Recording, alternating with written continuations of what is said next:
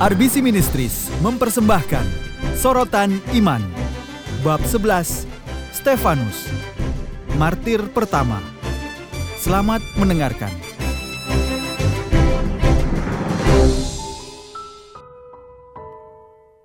Stefanus, sang martir pertama.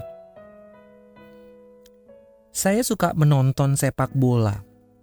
Di setiap bulan April, terutama bagaimana tim favorit saya memilih pemain-pemainnya. Saya suka mendengar dari para pakar mengapa pemain-pemain tertentu akan menjadi pemain profesional yang luar biasa dan mengapa yang lain akan gagal secara menyedihkan. Bagi seorang penggemar olahraga, hal ini merupakan tayangan televisi yang sangat menarik.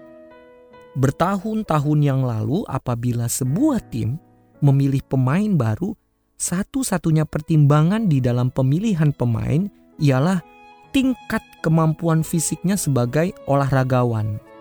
Namun, akhir-akhir ini pertimbangan tersebut berubah karena yang menjadi kriteria penting di dalam proses seleksi adalah karakter sang olahragawan. Para pemain yang telah menghadapi masalah-masalah hukum atau moral selama masa kuliah akan mengalami penurunan nilai di dalam penyeleksian. Setiap pilihan seleksi menghabiskan jutaan dolar, dan karakter yang bermasalah dapat dengan tiba-tiba membahayakan investasi tim. Pertanyaannya ialah, mengapa karakter menjadi begitu penting? Di dalam dunia olahraga profesional modern, para pelatih harus menangani pemain-pemain yang berpenghasilan 5 sampai 10 kali lipat gaji mereka sendiri. Hal ini membuat pekerjaan yang sudah berat itu hampir tak mungkin dilakukan. Bagaimanakah pelatih-pelatih itu dapat mulai mengendalikan para pemain yang secara harfiah lebih berharga bagi tim tersebut daripada pelatih-pelatih itu sendiri. Dahulu para pelatih yang biasanya menyingkirkan pemain-pemain yang tidak dapat menyesuaikan diri dengan program. Tapi sekarang pemainlah yang dapat memecat pelatih. Sebab pelatih dianggap tidak dapat mengembangkan secara maksimal kemampuan yang seharusnya dimiliki oleh seorang jutawan berumur 18 tahun itu. Atau hanya karena masalah sederhana. Misalnya, pelatih itu kurang bersikap ramah kepadanya. Suatu dunia yang aneh bisa dikatakan demikian, di mana uang dan bakat dapat menggantikan tanggung jawab dan kedewasaan. Konflik seperti ini dapat menghancurkan sebuah tim, baik dari dalam atau di luar lapangan, dan kadang-kadang memengaruhi menang kalahnya tim itu. Risiko pertaruhan ini luar biasa tingginya. Dan oleh karena itu, karakter telah menjadi kunci utama bagi suatu tim olahraga profesional yang mau berhasil. Nah, apa yang baru ditemukan dalam dunia olahraga ini sudah dipahami oleh jemaat mula-mula 2000 tahun yang lalu. Karakter yang kurang baik dapat menyebabkan konflik tetapi karakter yang baik dapat menyelesaikan konflik. Masalah inilah yang pertama kalinya memunculkan nama Stefanus di dalam kitab Kisah Para Rasul. Di dalam jemaat Yerusalem, kontroversi muncul antara janda-janda keturunan Yahudi dan janda-janda keturunan Yunani. Konflik tersebut disebabkan oleh cara pelayanan jemaat dalam membagi-bagikan kebutuhan hidup kepada para janda itu. Janda-janda Yunani merasa bahwa mereka diperlakukan dengan kurang adil.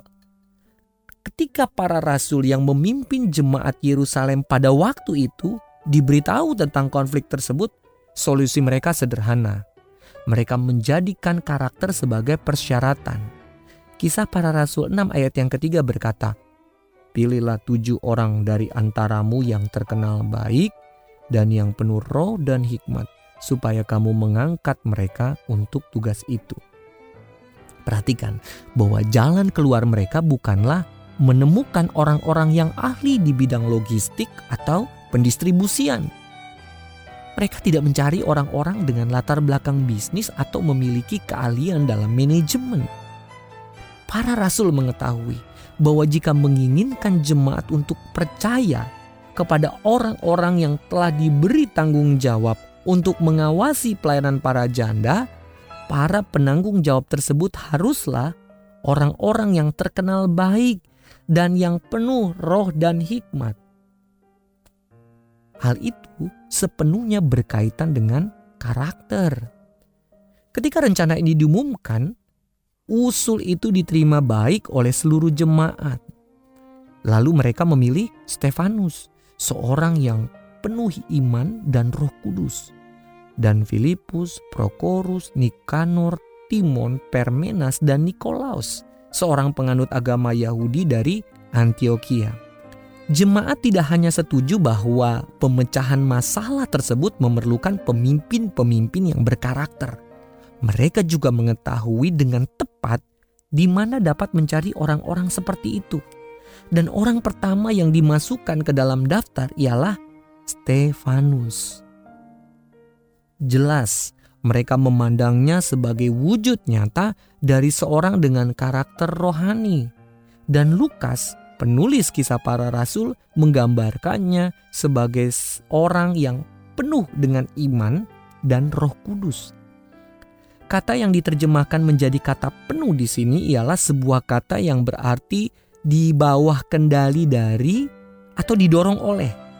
Ini sama seperti angin, menerpa layar-layar perahu dan mendorong perahu maju ke depan. Nah, apakah yang memenuhi hati dan hidup Stefanus yang memotivasinya dan menggerakkannya di dalam setiap pilihan dan keputusannya? Ada dua. Yang pertama, ia dipenuhi dengan iman. Kepercayaan penuh kepada Allah yang hidup terdapat di dalam hati Stefanus. Habakuk menubuatkan bahwa orang yang benar itu akan hidup oleh percayanya. Habakuk pasal yang kedua ayat yang keempat. Dan hidup Stefanus membuktikan tekad seperti itu, yakni untuk percaya dan bergantung kepada Allah. Lalu Stefanus penuh dengan Roh Kudus. Inilah yang kemudian digambarkan Paulus ketika ia menulis, "Dan janganlah kamu mabuk oleh anggur, karena anggur menimbulkan hawa nafsu, tetapi hendaklah kamu penuh dengan Roh." Dipenuhi dengan Roh Kudus berarti berada di bawah kendali Allah yang hadir untuk berdiam di dalam hatinya sehingga orang percaya melakukan kehendaknya dan menunjukkan buah rohnya. Kualitas-kualitas tersebut menjadikan Stefanus sebagai bejana untuk maksud yang mulia bagi pekerjaan Allah. Ia adalah seorang yang dikendalikan oleh iman dan Roh Kudus, sehingga ia menjadikannya sebagai orang yang memiliki karakter rohani dan dapat dipercaya dalam pelayanan ini. Di dalam kisah para rasul pasal yang ke-6 ayat yang ke-7, Lukas menceritakan kepada kita tentang hasil-hasil praktis dari keterlibatan orang-orang dengan karakter mulia seperti Stefanus dan rekan-rekannya di tengah-tengah situasi pelayanan itu firman Allah makin tersebar dan jumlah murid di Yerusalem makin bertambah banyak dan sejumlah besar imam menyerahkan diri dan percaya. Oh, alangkah kuat dampak yang diberikan oleh orang-orang berkarakter mulia ini. Firman Tuhan terus diberitakan, jumlah murid atau jemaat itu sendiri meningkat dan secara mengherankan dampak tersebut bahkan sampai menjangkau pihak oposisi agama sebab banyak imam Yahudi yang datang untuk beriman kepada Kristus. Namun, pengaruh Stefanus tidak berhenti sampai di situ. Kisah para rasul pasal yang ke-6 ayat yang ke-8 memberi kita rincian lebih lanjut tentang pelayanannya yang semakin berkembang dengan jemaat mula-mula itu. Dan Stefanus yang penuh dengan karunia dan kuasa mengadakan mujizat-mujizat dan tanda-tanda di antara orang banyak. Stefanus menunjukkan karunia-karunia kerasulan dan ia memperlihatkan dampak dari panggilan Allah yang unik di dalam hidupnya. Penuh dengan iman dan kuasa.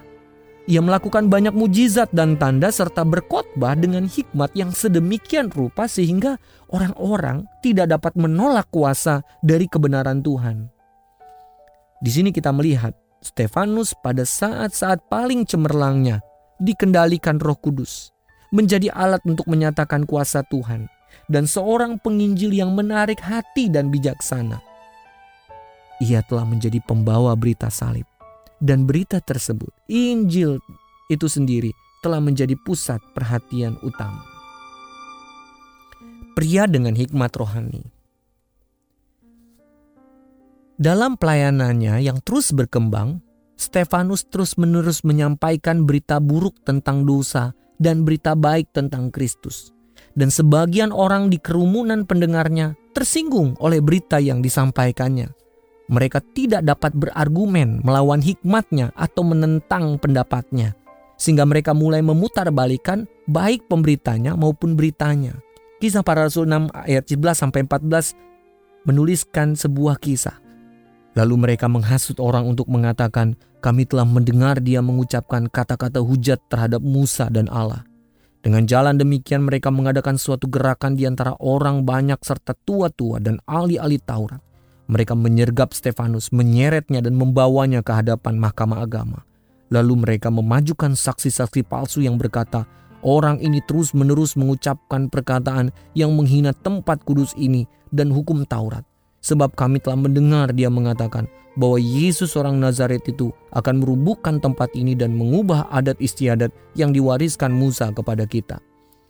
Pada hakikatnya, mereka tidak menyukai berita itu.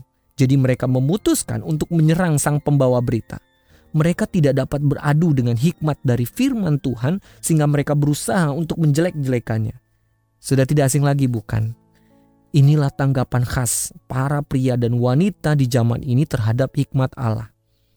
Apabila sebuah budaya yang didasarkan pada relativisme dipaksa untuk menghadapi kebenaran mutlak dan otoritas Alkitab, apabila sebuah budaya yang berdasarkan pada etika situasional ditantang untuk mempertimbangkan norma-norma kebenaran Allah yang tak tergoyahkan, Apabila sebuah budaya yang mendukung pluralisme agama mendengar sang juru selamat akulah satu-satunya jalan, mereka pasti mengejek, menyerang, dan bahkan menolak itu semua.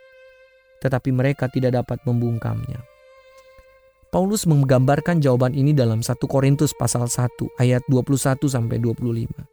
Oleh karena dunia dalam hikmat Allah tidak mengenal Allah oleh hikmatnya, maka Allah berkenan menyelamatkan mereka yang percaya oleh kebodohan pemberitaan Injil Orang-orang Yahudi menghendaki tanda-tanda dan orang-orang Yunani mencari hikmat. Tetapi kami memberitakan Kristus yang disalibkan. Untuk orang-orang Yahudi suatu batu sandungan dan untuk orang-orang bukan Yahudi suatu kebodohan. Tetapi untuk mereka yang dipanggil, baik orang Yahudi maupun orang bukan Yahudi, Kristus adalah kekuatan Allah dan hikmat Allah. Sebab yang bodoh dari Allah lebih besar hikmatnya daripada manusia, dan yang lemah dari Allah lebih kuat daripada manusia. Namun para musuh kebenaran ini tidak puas hanya dengan menyebarkan desas-desus tentang Stefanus dan menghancurkan pelayanannya. Mereka menuduhnya melakukan penghujatan, mengatur saksi-saksi palsu untuk bersaksi menentang dia dan menyeretnya ke hadapan majelis Sanhedrin Yahudi untuk diadili. Catatan kaki dalam salah satu versi Alkitab mengenai pasal ini menunjukkan kemungkinan bahwa Kayafas imam besar yang telah merekayasa pengadilan yang tidak sah untuk menghukum Yesus dengan tidak adil adalah juga orang yang mendalangi parodi keadilan ini. Ketika mereka mulai mengajukan pertanyaan, Stefanus tampak luar biasa. Kisah para Rasul pasal 6 ayat yang ke-15 mencatat, semua orang yang duduk dalam sidang mahkamah agama itu menatap Stefanus. Lalu mereka melihat wajah Stefanus sama seperti wajah seorang malaikat. Mereka menyaksikan damai Allah di dalam hati hambanya yang melakukan kehendaknya. Mereka menyaksikan wajah seorang malaikat. Stefanus tidak mempunyai pembela, tidak mempunyai wakil, tidak mempunyai kelompok pendukung di sekitarnya.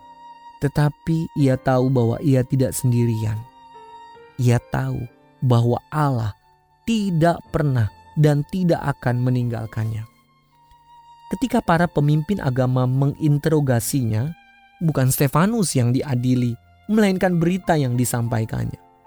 Dan berlawanan dengan keliaran dan kegilaan dari orang ramai di sekelilingnya, Stefanus tetap tenang dan menguasai dirinya dengan baik. ketika ia menjawab pertanyaan demi pertanyaan dan jawabannya begitu cemerlang.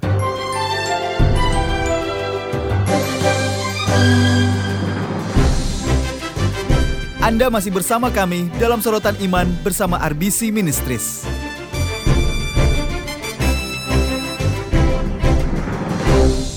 Jawaban yang diberikannya merupakan penuturan seksama tentang unsur-unsur pokok dalam sejarah bangsa Israel.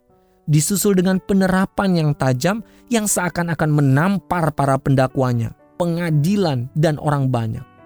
Berita yang disampaikannya diringkas dalam dua pokok utama. Yang pertama sejarah Israel. Stefanus tidak bertele-tele, tetapi ia langsung menuju ke inti persoalan. Ia mengingatkan para pendakwanya tentang panggilan Allah kepada Abram yang dengan iman meninggalkan kampung halamannya untuk pergi ke tanah perjanjian. Ia mengingatkan mereka tentang Yusuf dan penyelamatan bangsa Israel. Yang pertama dengan masuk ke Mesir dan kemudian keluar dari sana. Ia berbicara tentang penyelamatan yang dikerjakan Allah melalui pimpinan Musa dan berdirinya bangsa itu di Sinai. Namun di Sinai, kisah itu beralih dari kesetiaan Allah kepada ketidaksetiaan Israel. Israel telah mendapat anugerah untuk menjalin hubungan istimewa dengan Allah. Namun, mulai dari anak lembu emas yang ditempa di kaki gunung tempat hukum Taurat diberikan sampai kepada penyalahgunaan bait suci pada zaman Kristus.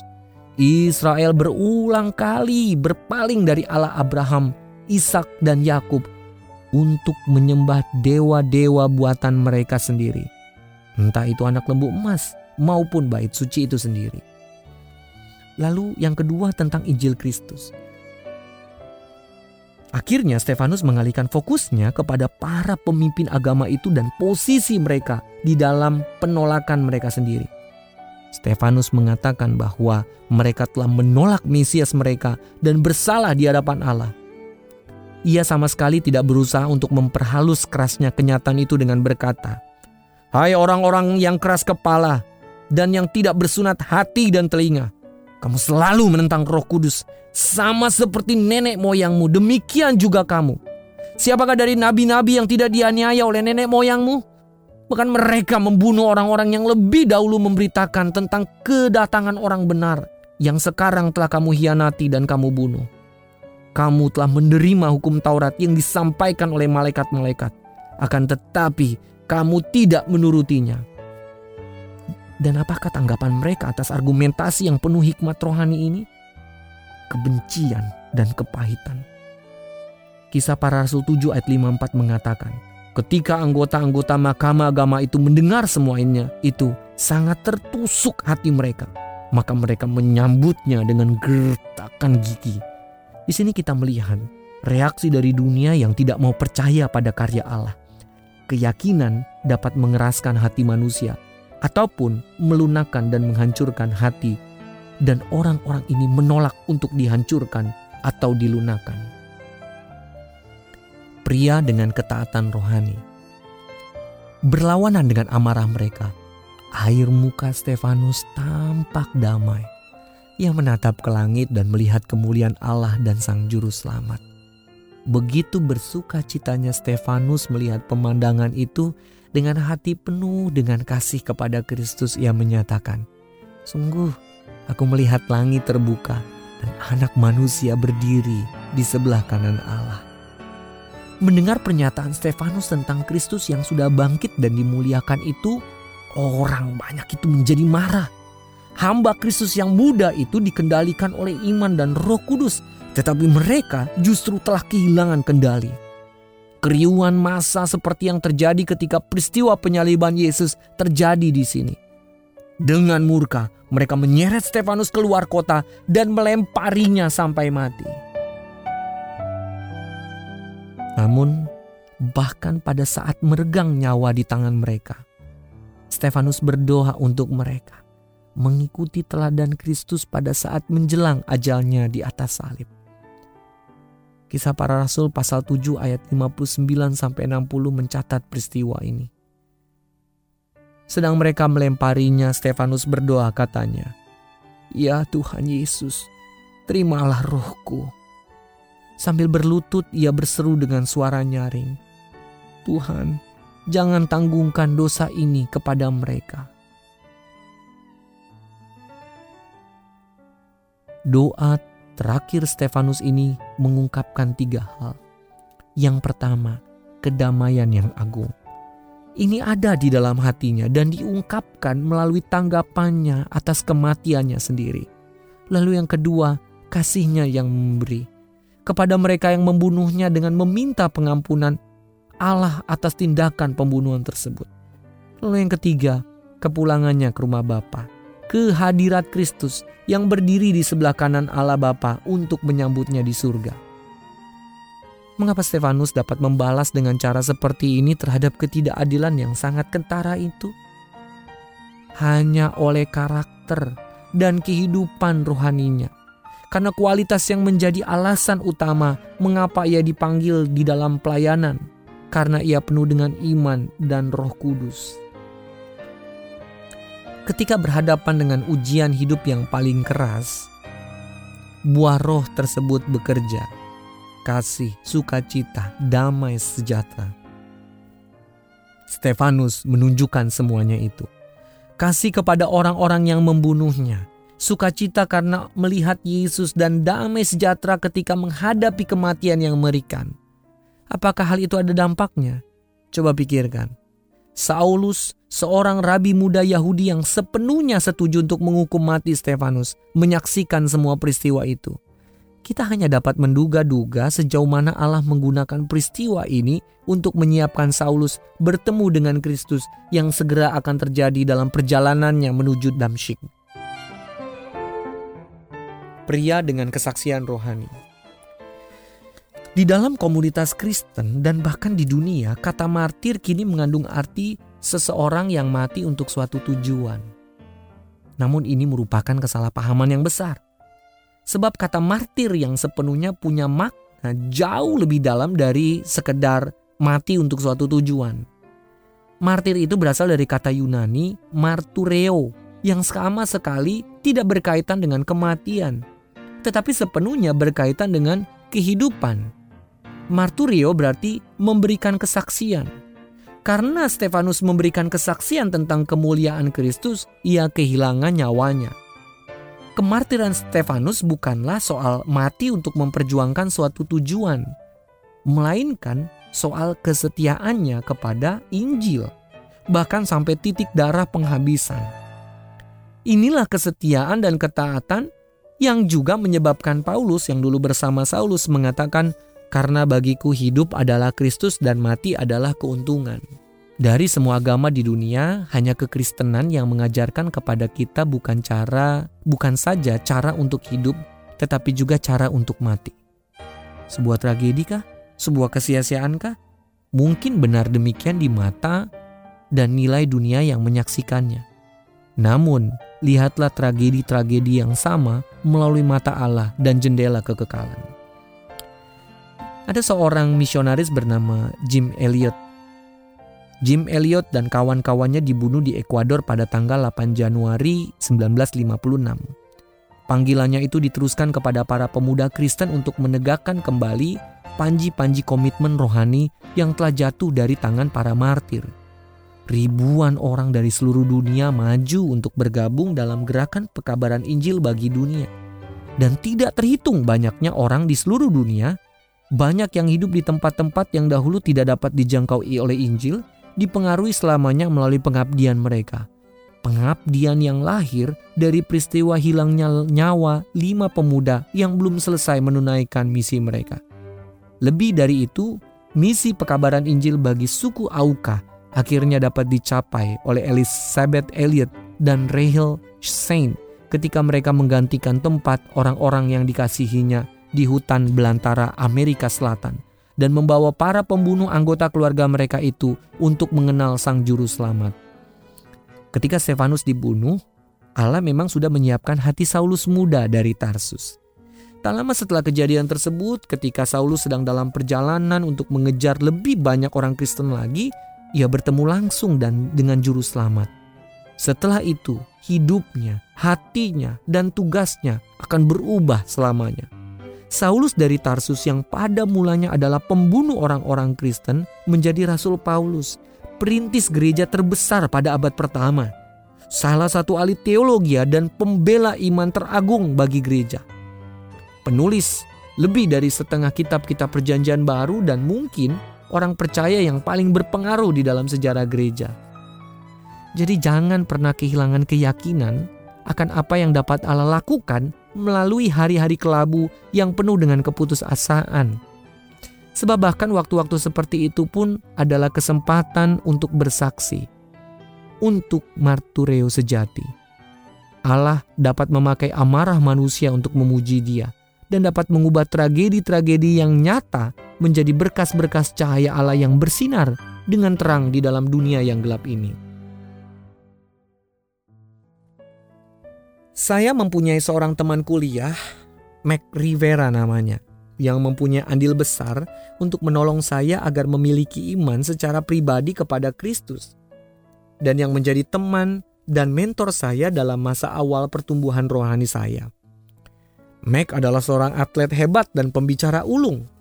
Ia bertujuan untuk pulang ke kota asalnya di Washington DC dan membangun sebuah pelayanan gereja yang bertumbuh di tengah-tengah komunitas kaum Afrika Amerika di sana. Itulah rencana dan misinya. Saya sedang berada di sebuah kota dengan salah seorang anggota tim pelayanan kampus ketika kami menerima berita bahwa Mac dan tunangannya Sharon telah meninggal dunia dalam sebuah kecelakaan. Saya merasa hancur hati. Bahkan lebih dari itu saya juga sangat kecewa. Bagaimanakah Allah yang penuh kasih itu dapat mengizinkan terjadinya tragedi yang begitu menyedihkan ini? Ketika saya bergumul di dalam hati untuk menerima kenyataan ini dalam iman, seorang teman lain menantang saya untuk mencoba melihat dari sudut pandang kekekalan di dalam kehilangan yang mengejutkan ini. Sejujurnya saya telah berusaha, tetapi saya benar-benar tidak dapat melihat bagaimana kematian Mac dapat melayani kerajaan Allah lebih baik daripada kalau ia hidup. Kemudian kami menerima sebuah laporan lain dari kampus tentang rincian acara penguburan Mac. Pada akhir khotbah pemakaman, sebuah tantangan diberikan. Dan lebih dari 220 mahasiswa maju ke depan untuk meneruskan pelayanan yang tidak lagi dapat dikerjakan oleh Mac dan bertekad kuat untuk setia di dalamnya. Saya terpesona pada kuasa Allah untuk menggunakan kepedihan dari suatu tragedi pribadi dan membawa kemuliaan dari hal tersebut. Hampir 30 tahun kemudian, saya masih merasa demikian. Sungguh tidak mudah untuk hidup menyerahkan diri dengan sepenuhnya kepada Sang Juru Selamat. Sama seperti tidak mudahnya dengan melihat bagaimana pemuda-pemudi dengan potensi bagi Allah dipanggil pulang di waktu yang kita merasa terlalu cepat. Tidak Hal itu sungguh tidak mudah. Dan memang tidak diharapkan demikian. Meskipun kematian Mac merupakan kecelakaan dan tidak seperti kematian martir dari Stefanus dan kelima misionaris muda tadi, hal ini sama menyedihkannya dan sama-sama menyebabkan trauma. Dan sama-sama memerlukan seseorang untuk menggantikan tempatnya di dalam pelayanan di kemudian hari. Namun bagi Stefanus dan Jim Elliot, dan banyak orang lain yang tak terhitung banyaknya. Kematian sebelum waktunya itu kadang-kadang merupakan harga yang harus dibayar sebagai seorang saksi. Dan pada kekekalan kelak, mereka akan menegaskan bahwa hasil-hasil yang Allah peroleh melalui kepergian mereka yang lebih awal ke sorga sepadan dengan pengorbanan mereka. apabila kita memegang pandangan hidup yang berdasarkan pada iman dan bukan berdasarkan pada apa yang kita lihat, yang dikendalikan oleh Roh Kudus dan bukan oleh diri kita sendiri. Dunia menyebut kita sebagai orang-orang bodoh. Namun ingatlah kata-kata yang ditulis Jim Elliot dalam buku hariannya. Orang yang melepaskan apa yang sementara untuk meraih apa yang kekal bukanlah orang bodoh. Ada beberapa prinsip dari kehidupan Stefanus yang kita pelajari. Yang pertama, sarana terbaik untuk menyelesaikan konflik Kristen adalah dengan melibatkan karakter Kristen. Lalu yang kedua, hal-hal yang memenuhi dan mengendalikan kita itulah yang akan menentukan cara kita menjawab tantangan dan kesulitan hidup.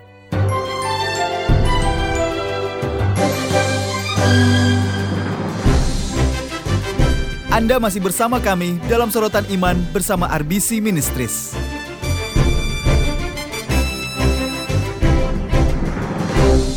Lalu yang ketiga, kesetiaan Stefanus di dalam pelayanan yang dianggap kurang penting membawanya kepada kesempatan-kesempatan yang lebih besar untuk melayani Kristus di dalam pelayanan-pelayanan yang utama. Yang keempat, kita tidak seharusnya selalu mengharapkan bahwa dunia yang tak beriman dapat dengan gembira menerima kabar kebenaran tentang dosa dan keselamatan. Lalu yang terakhir, kita harus selalu memberikan tanggapan dengan bebas kasih Kristus kepada orang-orang yang menanggapi Injil dengan kemarahan dan bahkan kebencian.